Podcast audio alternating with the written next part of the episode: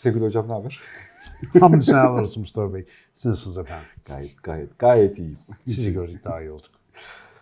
Bu bütünleşik tıp konusunu konuşurken sıklıkla bir üçlü sayıyoruz. Bunu bu arada Dünya Sağlık Örgütü falan da tarif ediyor. Zihnimizden bahsediyoruz, psikolojik durumumuzdan bahsediyoruz ve bedenimizden bahsediyoruz. Biz tıpta çok beden odaklıyız. Yeni yeni psikoloji odaklı da bir şeyler konuşuyoruz. Ama zihni ayırt edip zihin üzerine konuşmak zor bir konu. Zihinden neyi kastettiğimizi, ne olduğunu, sınırlarını düzgün tarif etmek, düşünme, düşünmeye dayalı bilgi. Halbuki mesela şu bilgiyi de biliyoruz. Senden öğrendiğim şeylerden bir tanesidir.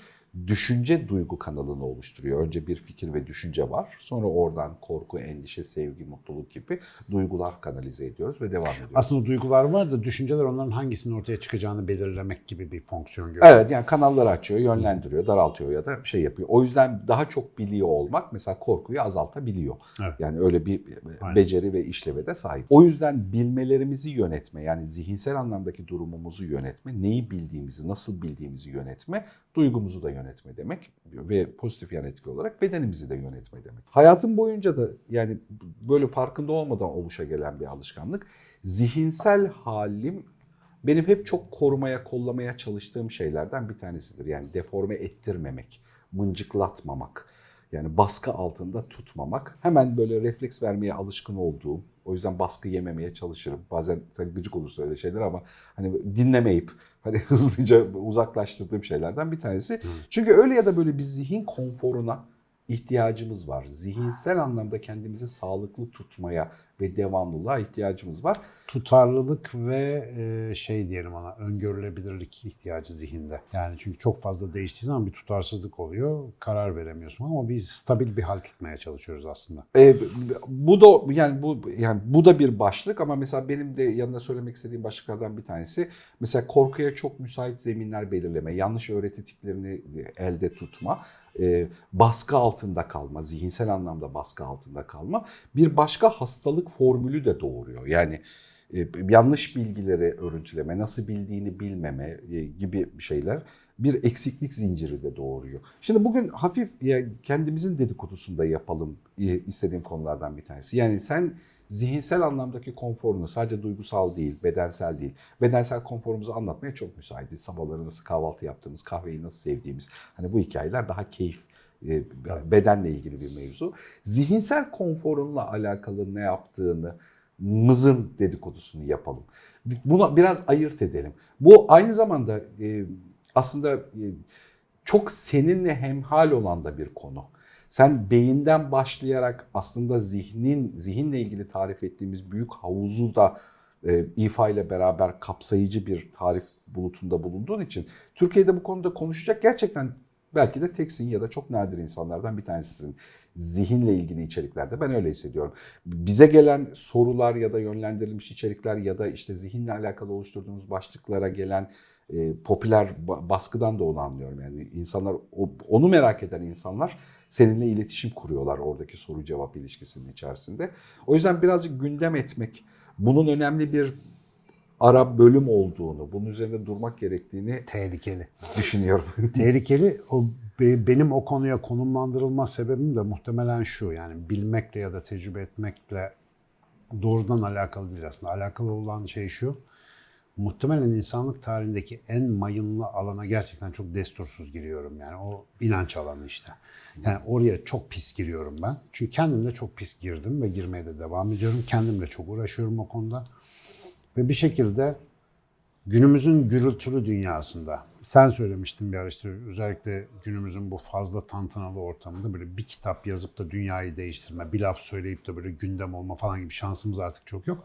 Muhtemelen ben ondan istifade ederek insanlık tarihi boyunca bir sürü adamın kellesine mal olmuş bir, bir takım konulara hatara kütere dalıyorum yani. O da şu, e, yani zihin sağlığıyla ilgili en önemli problemimiz inanç meselesi bu devirde. İnançlar.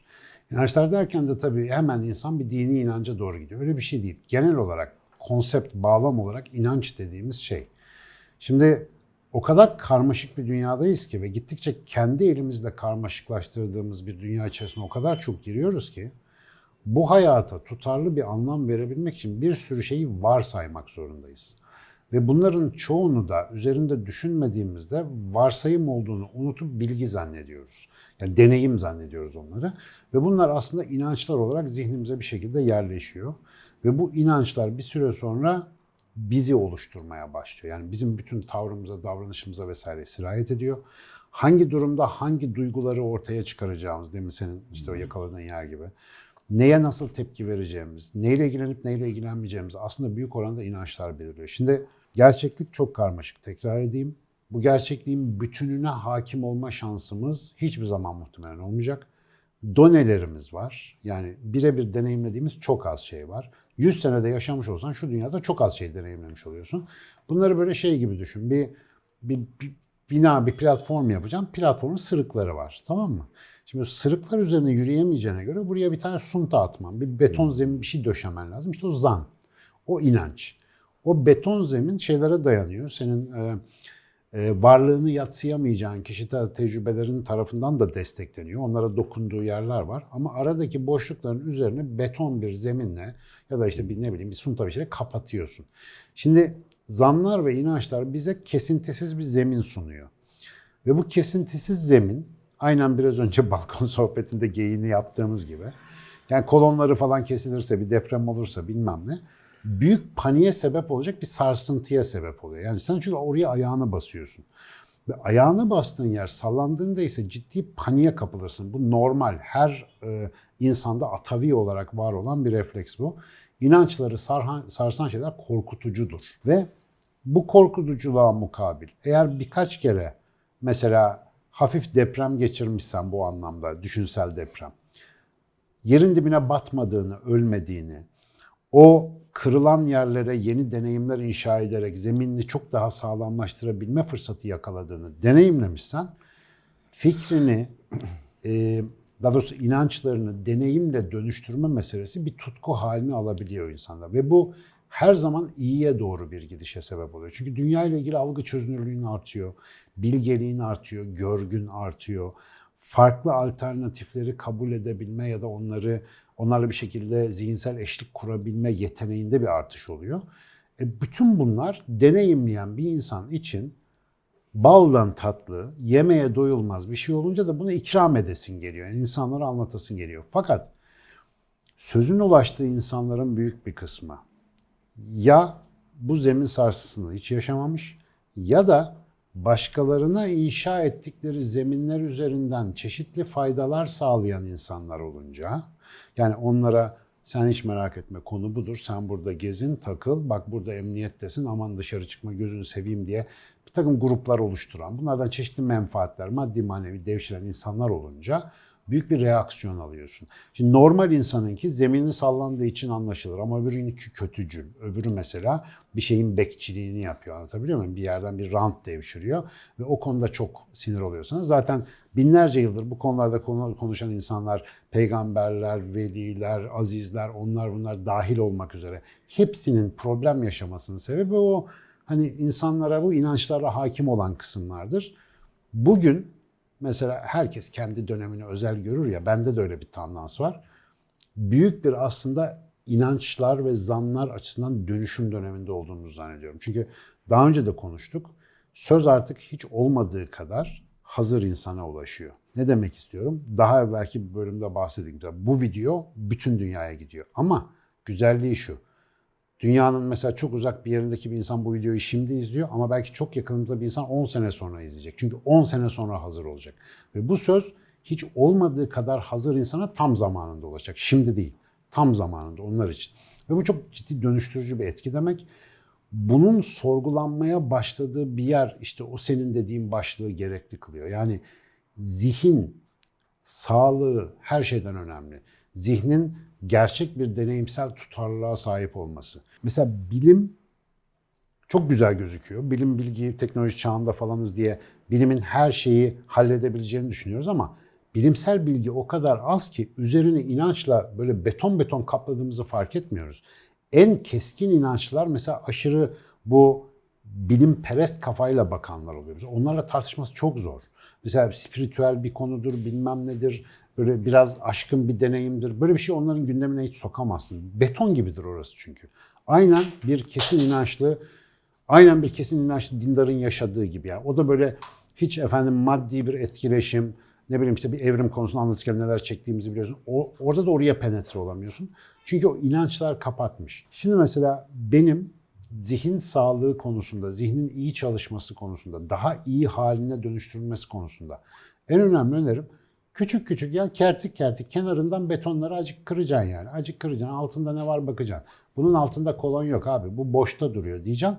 Oraya yerleştireceğin deneyimsel kolonu yaşayacaksın. O boşluğu göreceksin. Ama zanlarını kırmadan altının boşluğunu göremiyorsun. Orayı böyle sert bir zemin zannediyorsun. Dünya zannediyorsun orayı. Değil. Havada duruyor. Ve o havada durma ezberi bizim işimizi kolaylaştıran bir şey. İşte bellek orada devreye giriyor. Ezberler. İşte Onlardan kurtulma hikayesi benim bütün anlattığım ve dediğim gibi zamanın ruhu itibariyle herhalde konuşulabilir bir şey olduğu için konuşuyoruz. Yani bundan 100 sene önce konuşsaydık şu anda dar bir yerde konuşuyor olacaktık Mustafa ve sadece ikimiz dinliyor olacaktık. Benim yok yani bu yani hiç olmadığı kadar bilimsel anlamdaki bir bilimsel ve felsefi bilginin kendisi pratikte artık hayatımızın içinde Tabii. var yani. Problem çektiğimiz konuların cevabı orada var daha doğrusu. Yani o kadar iç içe de geçmiş gibi görünüyor. Benim bu konudaki kullandığım metaforum ben mesela büyük bir puzzle altlığı kurmaya çalışıyorum hep. Ben bütünden gelimci olduğum için yani bütünü görmeyle alakalı çabam olduğu için bana puzzle altlığı görevi yapacak ana büyük hikayeyi aradım. Hep yani böyle 20'li 30'lu 40'lı yaşlarda çeşitli hikaye gruplarına bazen bu ideoloji olabildi e, şeyde hani ha bu tanımlıyor ya da işte bu işimizi görecek. Bundan sonra aldığım bilgiyi buraya buraya yerleştireceğim durumu. Bu evrile evrile gerçekten mesela en son vardığım yerde en kapsayıcı ve büyük hikayenin evrimle oluştuğunu fark ediyorum. Evrimle e, ve belki de işte Sami'nin de senin de e, güneşinin de etkilemesiyle beraber hani şeyde biyolojiyle evrimle. Yani bu en sağlam e, ve en kapsayıcı hikaye grubu. Hani, Zengin. e, Her yere dokunan. her yere dokunuyor. Kolonu Böylece- çok yani. Evet yeni bir bilgiyle, sosyolojik bilgiyle, fizik bilgisiyle, kimya bilgisiyle karşılaştığımda o karşılaştığım bilgiyi koyacak yer bulabiliyorum. Yani ben aldığımda mesela bu benim zihinsel sağlığımı nitelikli tutan şeylerden bir tanesi. Bundan daha evvelinde şey sorunu yaşıyordum yani. Bu puzzle parçalarının yerini bulamayıp kucağında hani o bilgileri dolaştırdığın ya da anlamsız döngüler oluşturduğun bir şey oluyordu. Şimdi mesela en çok hani masada çoklu çok multidisipliner bir alanda dolaşıyorum bir, şeyde. Mesela çok hızlıca onları bu yapı içerisinde bir yere yerleştirebiliyorum. Ha bu bu, bu böyle, bu böyle ele alınır ya da bu böyle dengelenir. Oradan kolay kontrol edilebilir şeylerden bir tanesi oluyor. Kafanda uçuşanları rahatlatma açısından bu zemin süper. Evet. Ama mesela şunu düşün. Hani yani inşallah öyle bir şey olur. Gerçekten bunu samimiyetle isterim. Bir şey bulduk mesela biyolojide. Bu evrim evrim fiksi her şey dağıldı. Mesela darmadan oldu. Şimdi orada yaşadığın rahatsızlığı kompanse edebiliyor musun, edemiyor musun? Mesele bu. Ben mesela çok kişiye söylüyorum. Allah rızası için ya bir tane mesela evrimi çürütecek argüman da çok basit. Yani mesela insanda evrimsel olarak hiç diğer canlılarla bağlantı olmayan bir yapı, bir madde, bir şey bul. Ya da ne bileyim işte 5 milyon yıl öncesine ait bir insan fosili göster. Ya da işte ona benzer bir şey böyle abuk yani hikaye uymayacak bir şey göster. Bitti zaten. Teori teorinin kendisi biter. Ben muhtemel sana oranla daha liberal bir ortamda olduğum için bu bu tarz konulara daha obje yani buradaki değişmeyi ya da olası değişimi çok baştan kabul ettiğim bir şey. Daha doğrusu bunu dışsal kabul ettiğim için. Ben onlardan biri bir parça olmadığım için sıklıkla masada çocuklarla konuşurken de anlattığım bir hikayedir. Dünyadaki ola gelen birçok şey patlıcan ve domateslerin olduğu bir tarladaki bir hikayeyi gözlemek gibi benim için. Yani patlıcan niye o kadar büyüdü diye ya da patlıcan bu domatesin çürümesine neden oldu diye üzülmem ya da şey yapmam yani. O bir gözlem durumu, onu algılama durumu. Biraz yaptığım işin de bir parçasıydı. İçgörü okumaya çalıştık uzunca yıllar. E, ondan kaynaklı daha objektif kalabildiğimi zannediyorum. O yüzden bilginin değişimi bende çok öyle yıkımlı şeyli değil, daha akışkan. Hani bilgi değişiminde Yani işte kalan- zaten konuşabiliyor olmamızın altında muhtemelen. Evet. Yani ben de muhtemelen bunu tek başıma geliştirmemişimdir. Yani gördüğüm birileri vardır muhtemelen. İşte o yüzden bunun örneğini arttıralım diye uğraşıyoruz. Birileri böyle olabildiğini görsün. Mesela niye sürekli bilmiyorum propagandası yapıyoruz? Mesela sağlıklı bir zihnin bence en büyük işareti Faruk Eczanesi döngüsüne girmemektir. Yani ya bilmediği şeyi zorlamayacaksın abi. Evet, Mesela evet, şimdi evet. o kesin inançlı zihnin özelliği ne? Mesela benim böyle bayıldığım tipler var. Televizyonda görüyorum. Bazen bana da denk geliyor böyle bazı programlarda. Ya bir şey soruyorsun. Adamın düşünmeye harcaması gereken vakitten bile tasarruf edip direkt anlatmaya başladığını görüyorsun ve saçma sapan bir şey söylüyor. Yani iler tutar hiçbir taraf olmadığını ben çok az şey biliyorum. Hayır tamam onun iler tutar olmadığını biliyorum yani. Hiçbir gerçeklikle bağlantısı yok. Fakat düşünmeden o kadar rahat konuşmak e, zorunda kalıyor ki. Çünkü orada bir es bile, bir tereddüt gösterse bile inançta bir sarsılma meydana gelecek. Şöyle şakasını yapıyorum ya oğlum yani. 45 yaşında bir adamla konuşuyorsun. Abi aşk nedir? Aşk bir sudur iç iç kudur diyor. Ha, Çünkü tabii. en son 16 yaşında Aynen, düşünmüş konuyla aynen alakalı. Ve bu da öyle. Çocukluk dönemi mesela. Çocukluk döneminde bana ciddi ciddi böyle hani uğraşmaya değer gelen bir sürü done, fikir, efsane, mit, anlatı ya da ne bileyim e, bilgi koca koca insanların elinde bugün düğmeye bastın mı bir recorder gibi geri çıkıyor. Yani şimdi bu sağlıklı bir zihin işareti değil. Mesela sağlıklı zihnin işareti o yüzden bilmiyorum demek. Yani bazen bilmiyorum diyebilmek. Şimdi diyorlar ki ulan sen hiç bilmiyorum demiyorsun. Ne sorulsa konuşuyorsun. E ben hangi soruları seçiyorum? Benim çalıştığım konuları seçiyorum. Sen bana beyin, zihin, dalak, böbrek onları soruyorsun. Biz de onları çalıştığımız için fikrimizi beyan ediyoruz. Ama gel bana bir siyaset sor bakayım. Sen kaç kere sordun. Hatta sen söyledin. Seni siyaset konuşturunca mesela romantiye sarıyor falan filan. Bilmiyorum abi. evet. Bilmiyorum. Yani mesela güncel sanat akımları. Zerre fikrim yok. Ne söyleyebilirim? Oturup böyle hayran hayran dinliyorum yani. Yapabileceğim bir şey yok. Bilmediğin alanı bilmiyorum diyerek ikrar edebildiğin zaman betonsuz bir zeminde kolonlar inşa etme şansın oluyor. Yeni bir şey öğrenip oraya, yeni bir şey öğrenip oraya koyduğun kolon kadar ilerleyebiliyorsun. O çok güzel bir şey ve neresinin boşluk, neresinin bilgi, neresinin zan, neresinin deneyim olduğunu, yani nerenin boş, nerenin dolu olduğunu görüyorsun. Bu harika bir şey ve sağlıklı bir zihin ancak böyle inşa ediyor. Ama uğraşmamız gereken heyular çok büyük. Ta ilk günlerden itibaren bize bir şeyler öyle hızlı yükleniyor ki lan daha ne oluyor demeden zihin komple altı kat beton oluyor yani. Ondan sonra işin gücün balyozlarla o betonu kır. Mesela açık beyin bir balyoz. Evet. evet, Açık evet. beyin bu işe yarıyor. Yani vurup dağıtıyor. Hazır olmayan adam çok sinirleniyor. Buraya hep hazırlıklı çatlaklar geliyor. O yüzden onlar zevkten beş köşe. Masaj yapıyormuşsun gibi geliyor onlara Evet, böyle. evet, evet. Her şeyde birikiriyorlar. İşte bizim bazı farklı e, çevrelerden gelen öğrenci arkadaşlarımız da oluyor. Onların mesela bir 3 ay 5 ay sonra yaptıkları itiraf. Ya geldiğimde gıcık olmuştum size falan ama ya şimdi çok işime yarıyor bu iş falan filan. Bir de 3-4 ay mesela açık beyin içerisinde öyle ya da böyle belli bir üretimde ya da bir parça olarak içeride kalan insanın yani konfor algısı da değişiyor fark ediyorum.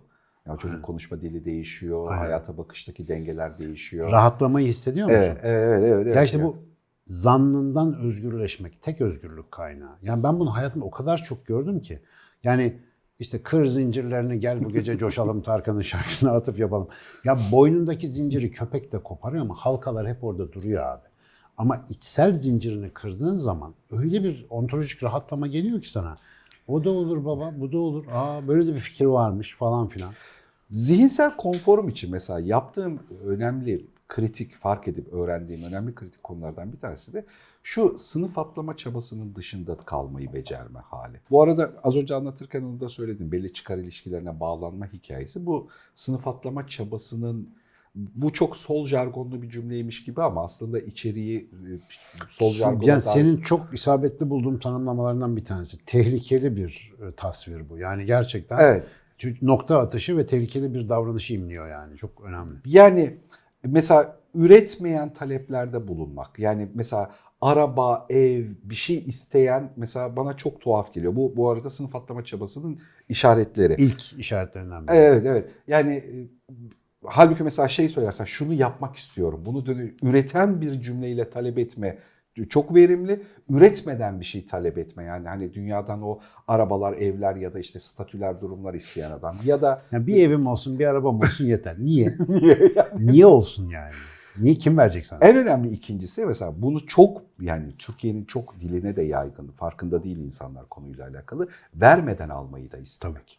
Tabii. Yani niye yani niye sana verilsin? Yani mesela bu en çok hep de söylüyorum ortamın içerisinde ama yani çok kritik yaşadığım sorunlardan bir tanesi.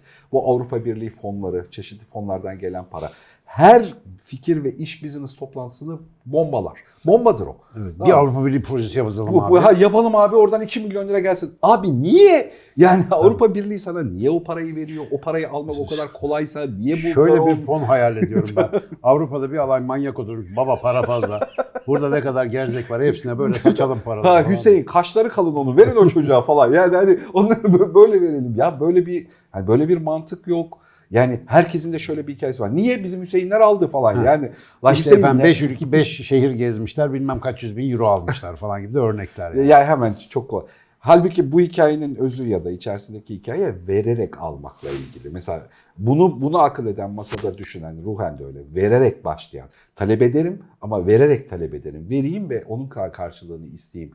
İlişkisini akıl etme. Bunlar işte o sınıf atlama çabası diye tarif ettiğim hikayenin tersi olan mesela forumlar. sağlıklı bir zihnin bir başka işaretini söyledin yani. Süreci hayal edenle sonucu hayal eden arasındaki fark. Fark evet E, ya da işte verme alma ilişkisini dünya ile verme alma ilişkisini sağlıklı tutma hali işte zihinsel anlamda kendini korumak için kullandığım şeylerden bir tanesi. Yani şu pek anlamadım ama mecburen anlamak zorunda kalmam gerekecek olan Bitcoin, altcoin falan hikayeleri var ya. Şimdi orada bana gelen e, bilgilerin hepsi şöyle bir jargon oturuyor. Abi yani zamanda işte Bitcoin şu kadardı bak şu kadar arttı. Alan adam voleyi vurdu. Şimdi falanca altcoin var. Çok iyi bir performansı var. Şimdi atıyorum 5 lira yatıralım.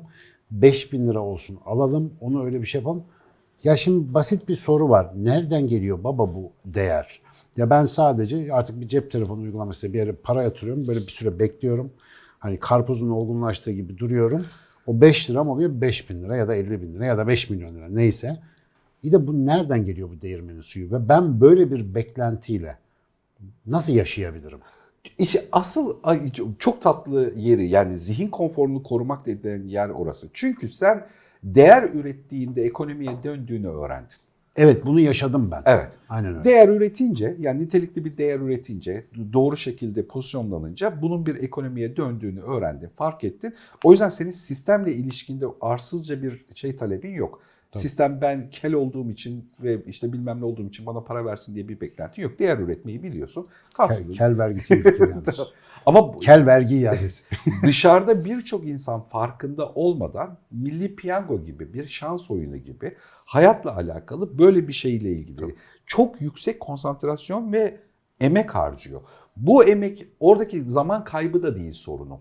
O zaman kaybındaki edindiği alışkanlık, zihinsel alışkanlık işte zihni hasta eden şey o. Oradaki edindiğin alışkanlık çocuğuna davranırken de eşiyle ilişkisindeyken de ya da yani bugün bir şey üretmeye kalktığında da aynı tür hastalıklı davranışla beraber devam Bir de bunu ediyor. besleyen umutsuzluklar var. var mesela. Siyasi e, pıhtılaşma diyoruz. Evet. Şu anda uydurdum güzel. Gerçekten Türkiye'nin durumu siyasi pıhtılaşma mesela. Böyle bir siyasette böyle bir pıhtılaşma. Pelte gibi bir şey yani. Böyle hareket etmiyor yerinden. Hakkaniyet olmaması. Siyasetle alakalı da mesela cümle çok çabuk karışabiliyor. Siyasi angajmanı çok yüksek olan insanlardan kaynaklı. Bir cümle eklemek istiyorum oradaki hikayeye. Bu pıhtılaşmanın temel nedeni şu. Gerçekten dünya çok hızlı bir geçiş döneminin içerisinde çok fazla yeni sorunumuz var. Şimdiye kadar üretilmiş ideolojiler bu yeni sorun tipini çözemiyor. Hiçbir şekilde. Tabii canım. Yani, Yani Türkiye'de şu sorusunu anda... soramıyor. Tabii henüz. tabii Türkiye'de şu anda mevcut siyasetçilerin konuşmalarına ben de arada Evet. bakıyorum. Hala boş konuşuyorlar. Yani yeni yeni dünyanın sorunlarından hiçbiri haberdar değil. Bambaşka bir kafa ve bambaşka bir yerden konuşuyorlar. Evet. Yani belki inşallah kaçırdığım birileri vardır. Hani benim duymadım ama ben henüz rastlamadım yani. Daha henüz- Pıhtılaşma dediğim şey bu. Evet. Eskide kalma, o böyle Evet. dibe çökme. Evet evet güzel bir tarif Öyle oldu bir bu arada hikaye. gerçekten tatlı. Yani siyasetin genel ekolojisi bu soruları fark edip cevaplayacak durumda da değilmiş gibi görünüyor.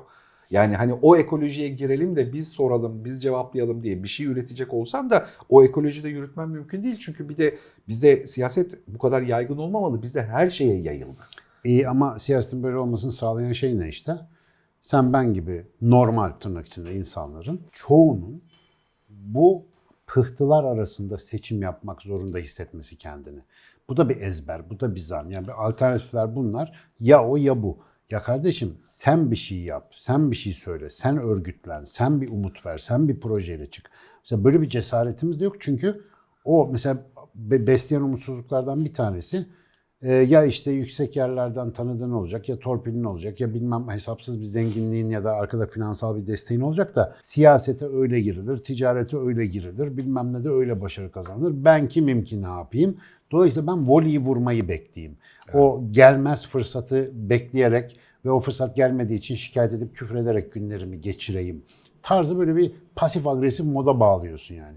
Şimdi bu sağlıksız zihin arıyorsan demeti bizde 50 kuruş. Çok var yani. Aynen öyle oluyor. Çok var. Yani normalde siyasetin yapması gereken şey toplumun genel akışında akışta birbirine zarar verecek akış tiplerini düzenlemek olmalı. Tabii ki. Siyasetin ana fonksiyonu bu. Kalabalıklığı Denge. yönetmek. Ama bizde siyaset toplumun genel akışının tümünün nasıl hareket edeceğini belirleyecek bir enjeksiyona döndü. Aynen. Bu da çok pratikte bir karşılığı var. Yani Türkiye ekonomisinin %50'si devlet ya da devlet bağdaşları üzerinden ekonomi döndürüyor. Tabii. Yani mec- %50'den bahsediyorum. Çok büyük bir rakam. Çok. Öyle ya da böyle devletle ilişkin olmadan o ekonomiden para kazanamıyorsun. Hep böyleydi ama. Ee, Ben 50 senedir bu Evet. ülkedeyim. Bu bir tarz artık. evet evet. Yani, Yani, bu, bu eller değişiyor, işte aileler değişiyor, bir şeyler değişiyor ama tarz olarak bunun dışına çıkamıyoruz yani. Hala devlet ebed müddet kafasıyla yaşayan, ona ne kadar anarşist itirazlar geliştirse bile onun içerisinde kaybolan bir güruhuz maalesef.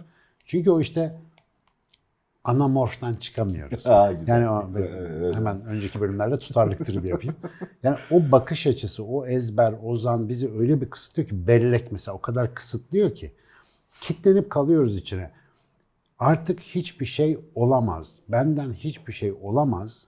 Bir insanın hayatında işlediği en büyük suç cümlesi olabilir. Söylediği en büyük suç cümlesi olabilir. çok güzel bir tarif oldu bu arada. Gerçekten yani benden artık bir şey olmazı bir insana söylettirebiliyorsan o insanı öldürmene bile gerek yok. Evet. O zaten ölmüş durumdadır. O söylemden çıkana kadar. Ve bizim ülkede maalesef ben bunu ilkokul 4'ten itibaren sıklıkla gittikçe artan frekansta söyleyen insanlar görüyorum.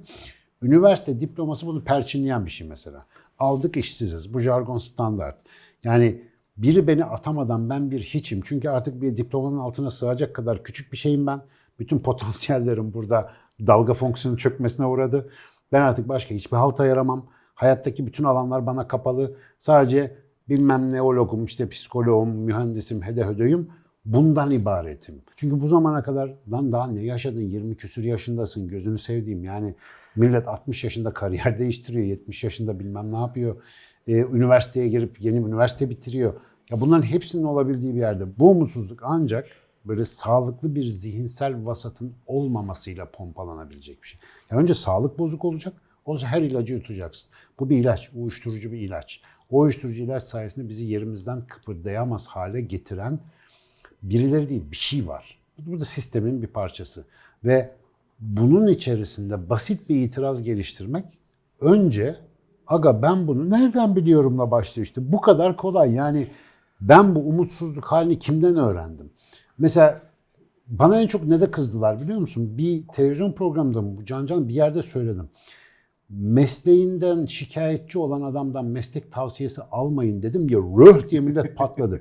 Ya kardeşim adam gibi yapmadığı için şikayetçi. Orada kendini bulamadığı için şikayetçi. Sen mesela genetik konusunda tavsiye alacaksan Aziz Sancar'a soracaksın. O mesleği iyi yapınca bak bakayım ne oluyormuş. Nörobilim konusunda bak ben mutluyum gel benden tavsiye al. Hasbelkader tıp fakültesine girip de doktor olmasına rağmen lan lanet olsun bu hayata denen adama doktorluk tavsiyesi alınır mı? Ya da işte mühendis olup aylarca, senelerce işsiz kalmış bir adamdan senin benim nasıl mühendislik okuyayım diye sorulur mu? Ya belli ki olmamış o. Belli ki yapamamış. Yapana soracaksın. Umutsuzluğu bir veri olarak alamazsın. Kesinlikle yani kesinlikle çok da iyi bir yere getirdin. Yani bende bunun bir başka hali var e, şeyde. Şu bütüncül bir insana bütün halinde bakmayı bilmek bir zaruriyet. Konuya da zaten böyle başladık ama kendine de öyle bakmak. O bilme eyleminin duygularla bir bütün olduğunu, duygunun bedeninle bir bütün olduğunu, bunun blok halinde yani masaya oturduğunda arka tarafında kocaman dev ekranda duygular ekranın var masada. Aynen. Senin ne bildiğinin, Aynen. ne kadar tecrübe ettiğinin, ne kadar bir bütçeyi yönettiğinin bir önemi yok. Karşı tarafla ilişkini o duygusal durum belirliyor. Aynen Bunu mesela bunu fark etmezsen e, Hı. ilişkilerini seçmekte zorluk çekiyorsun. Tam böyle bir örnek hatırlıyorum. Galiba Twitter'daydı. Birisi demiş ki bilmem ne bölümünü birincilikle bitirdim. Hede oldum, höde oldum. Bu bunu yaptı, bu eşek bunu yaptı, bunu yaptı. Sen hala işte efendim meslek bilmem ne önemli değil diyorsun. İşte e, esas gençlerin bunu duyması lazım. Ulan herifin tek tweetini anlıyorum ki bir kere patolojik kıskanç manyak. tamam mı? Herkesi kıskanıyor. Bir kere sen istediğin kadar birincilikle bitir. İstersen bütün kitapları yut. Senin kişisel özelliklerinde bir defekt var zaten. Bu defekt senin bütün bilgini heder edecek kadar böyle bir dinamit gibi her gün içinde patlıyor. Dolayısıyla sen performans gösteremezsin ki. Kendi üzerinde çalışmamışsın. Mühendisliğe çalışmışsın. Keşke iç mühendisliğe çalışsaydın. Biraz kendini inşa etseydin. Evet. Şimdi bu aslında söylediğim şey işte o dediğin o total hal önemli. Ben mesela çok mu başarılı bir öğrenciydim? Hayır. Berbat bir öğrenciydim. Çok mu iyi bir bilimciyim? Hayır. Hala çalışıyorum ama tembelim. Efendim çok mu iyi babayım? Çok mu iyi erkeğim? Hayır. Normal, sıradan bir şey ama bunların hepsinin kombinasyonu içerisinde kendimi iyi hissedip bir şeyler üretmeye çalışıyorum. Ha, beğenirsin beğenmezsin o ayrı bir konu. Üretim kalitesi tartışılabilir ama böyle bir şey yapmak isteyen birisi, bu mesleği yapmak isteyen birisine ben olumlu tavsiye verebilirim. Çünkü bunun bir açılımını ben yaşadım ve bu açılım beni tatmin ediyor. Beni daha iyi bir insan yapıyor. Bu zihinsel sağlığı çok göz ardı ediyoruz. Yani bir şeyleri iyi yapabilmek için hakikaten iyi olmak lazım. İçeriden sakin İyi ol. insan olmak lazım. İyi insan, aynen öyle. Yani, iyi evet. Yani o iyi olmak yazdım, deyince o tabii. bilek gücü değil orada. Değil, değil, değil. İyi bir insan olmak. İşte geçenlerde yazmıştım gene yani yardım et, müşfik ol, işte halini hatırını sor, çalma çırpma, bilmem ne yapma. İyi bir mühendis olursun, iyi bir Müslüman olursun, iyi bir Hristiyan olursun, iyi bir ateist olursun, iyi bir insan olursun. Her şeyin iyisi olursun bunları yaparsan. Ama bunlar olmadı mı neye inanırsan inan, neyin diploması olursa olsun beş para etmen mümkün değil. Mesela insanı anlamıyorsan yani hekim olman yasaklanmalı. İyi insan olmanın bir ikinci aşaması daha var buradan öteki tarafa bağlamak istediğim. Bu işte zihinsel anlamda, duygusal anlamda, bedensel anlamda kendi bütünlüğünün farkında, dengede olan insanlardan kendine bir fanus yaratma.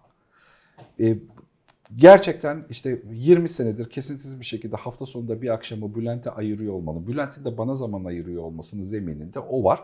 Bunun mesela kendi zihnini korumada, zihinsel halini korumada çok önemli bir yer olduğunu düşünüyorum. Çünkü hayat öyle ya da böyle yani böyle bayağı akışkan bir nehir. Her zaman kendini o kadar dengede, biçimli tutamıyorsun.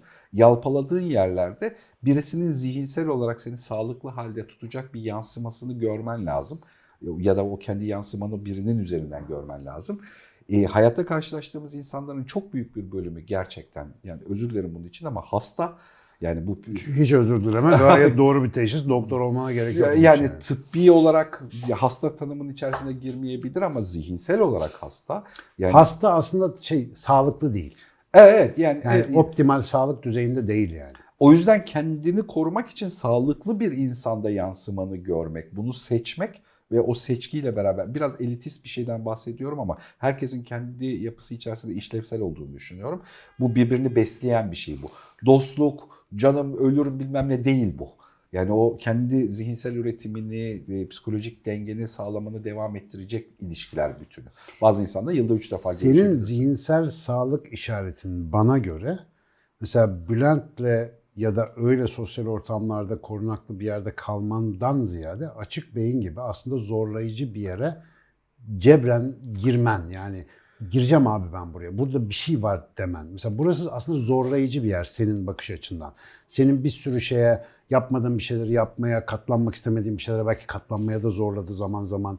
Yani böyle bir döngünün içeri girdi ama geliştirici bir şeyin içerisinde olma. Ben, benim gördüğüm yerde açık beyin o yüzden mesela açık beyine dokunan herkese iyi geliyor. Yani bunu gerçekten fiziken görüyoruz. Yani açık beyinde beraber biz gerek sosyal projelerde gerek fiziken gerek ekonomik olarak çalıştığımız yapılarda da açık beyinde çalışan herkes rahat ediyordaki tavrım bu.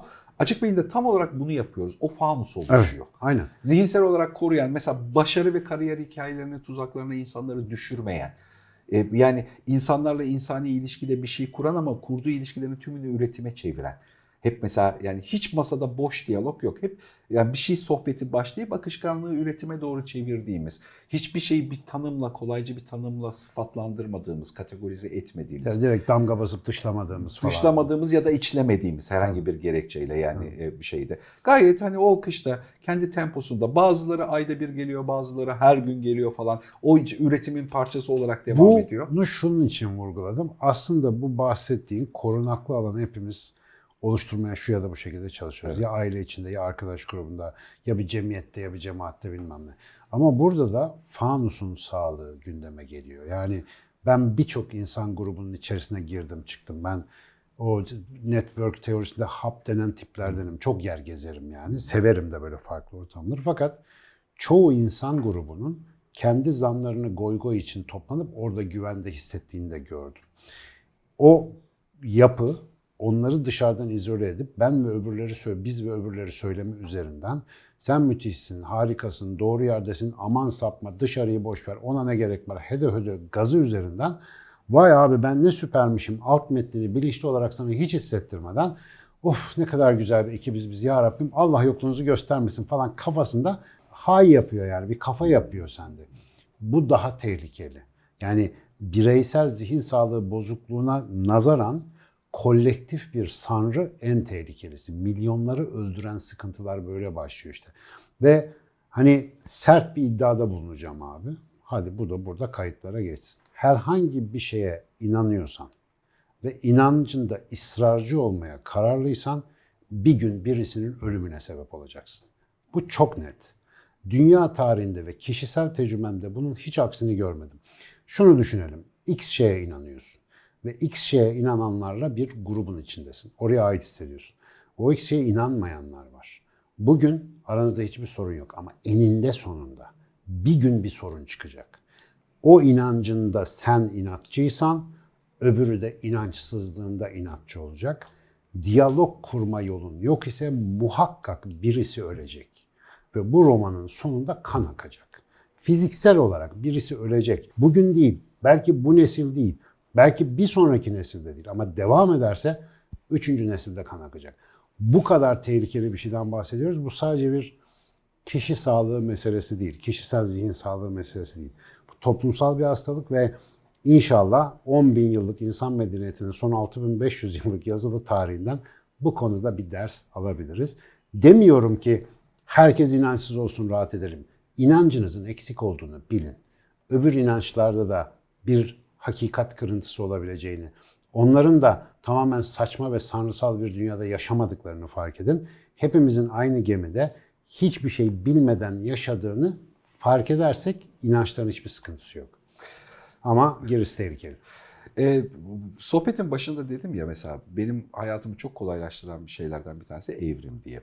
Tabii ben evrimi, ben sanat eğitimli bir insanım. Biyolojik temelli algıladığım bir şey değil. Hikayeler devamlılığı olarak algıladığım bir şey. Bu aynı söylediğin mevzuda. Mesela kendi inançsal durumunla bir başkası arasındaki bağı ya da ilişkiyi incelerken birdenbire hepsinin nasıl aynı kaynaktan geldiğini fark ediyorsun. Evrim aslında sana onu da yani tüm hikayeler birbirinden üreyerek gelişiyor ya. Tabii ki. Yani ve bu artık Dert çok aynı, anlatı aynı, türevler aynı. E, Evet. Ve yani o kadar basit bir şeyle alakalı ki basit iki tane sayıyla alakalı. Ee, kalabalıklık insan sayısı 10 bin kişiyken belli, 150 kişiyken belli, 100 bin kişiyken belli, 1 milyon kişiyken belli ürettiğimiz. Norveç'te ol belli, Arabistan'da ol belli. Yapı bu şeyle ilgili kalabalıklık. İkincisi de kalabalıklığın tahayyül edebildiği zaman aralığı. Yani Evet. bugünü düşünenler, bir haftayı düşünenler, bir yılı düşünenler, on yılı düşünenler arasındaki farkla ilgili ya da yüzlerce yılı düşünebilenler arasında. Yani bir yer kalabalıksa bu çoklu data girişi demek ve o yer aynı zamanda geniş bir zaman aralığında tahayyül yapabilecek kadar tecrübeye ya da zihinsel açıklığa sahipse oradan bilim yürüyor, sanat yürüyor, toplum daha iyi bir yere doğru gidiyor ya da yapılandırıyor, yeni teknoloji yürüyor. Bunların ikisini daraltırsan, kapatırsan, sayıyı azaltır ve düşündüğün zamanı şeyi ölçeklendirmesine indirirsen güdükleşiyor işte ya- yapılanmanın kendisi güdükleşiyor. Maalesef. Çok acı bir konu ama. Evet. Yani katman katman katman e, bu bir üniversitede bölüm olsaydı valla değer. Yani o, o zihin sağlığı merkezi, nasıl diyeyim toplumsal ve bireysel zihin sağlığı poliklinik. Ya bunu üsluben u- uygulamayla yaparak açık beyin içerisinde zaten pozisyonlamaya çalışıyoruz. Ama ben gerçekten bunun bir eğitimi olması gerektiğini de düşünüyorum. Üniversitenin ya öncesi ya sonrası. Yani o- Araçlarını verecek şekilde. Evet evet Be- belli temel araçları var fark edeceği. Belli bir eğitim süreci var. Yani daha doğrusu fark edişleri var, anahtarlar var. Yani kapı açıp insanlar o sonra kapının içerisine girip kendi keşfini kendi yapsın. Ama bu bilgiyi Gerçi ben bunları biz parça parça paylaşıyoruz yani. Evet. Çok eğitim içinde var ama istersen bu konuda hakikaten bir eğitim dizayn edelim. Evet ne diyelim buna? Zihin fanusu inşa etme 101. E, çünkü yani bizim hayattan talep ettiğimiz şeylerin asıl önündeki engel bu. Tabii. Ötekiler değil, bir başkası değil, parasızlık değil, işte bilmem ne değil. Bu değil. Yani asıl zihin sağlığını Kendi koruyamama. zihninden başka gerçekten hiçbir engel yok. Yani Evet. bunu gerçekten yeterince deneyimlemiş birileri olarak konuşuyoruz burada. Yani bir paradigmanı değiştirdiğinde her şeyin nasıl değiştiğini görüyorsun. Bunu hiç görmemiş insana anlatması e, tuhaf, zor, e, söyleyince ütopik geliyor. Ama bir kere deneyen herkes Evet. bunun böyle olduğunu, belki de hayatlarında bildikleri tek şey bu oluyor. Yani onun Evet. dışında hiçbir şeyde bilmemek onları rahatsız etmiyor işte. Şu evrenden iste sana versin diye artık çok saçmalaşan, manipüle edilmiş hikaye grubunun orijinal hali bu aslında. Tabii ki kendinden iste. Kendinden iste ve Aynen. zihinsel olarak onu isteyebilecek, ne istediğini bilecek bilgide, beceride, fark edişte dur. İşte bu bir yaşama bakış konusu. Sadece anamorfta perspektifti. Ee, evet eski videolar onlar. Güzel sohbet oldu hocam. Çok teşekkür ediyorum. Mustafa Bey.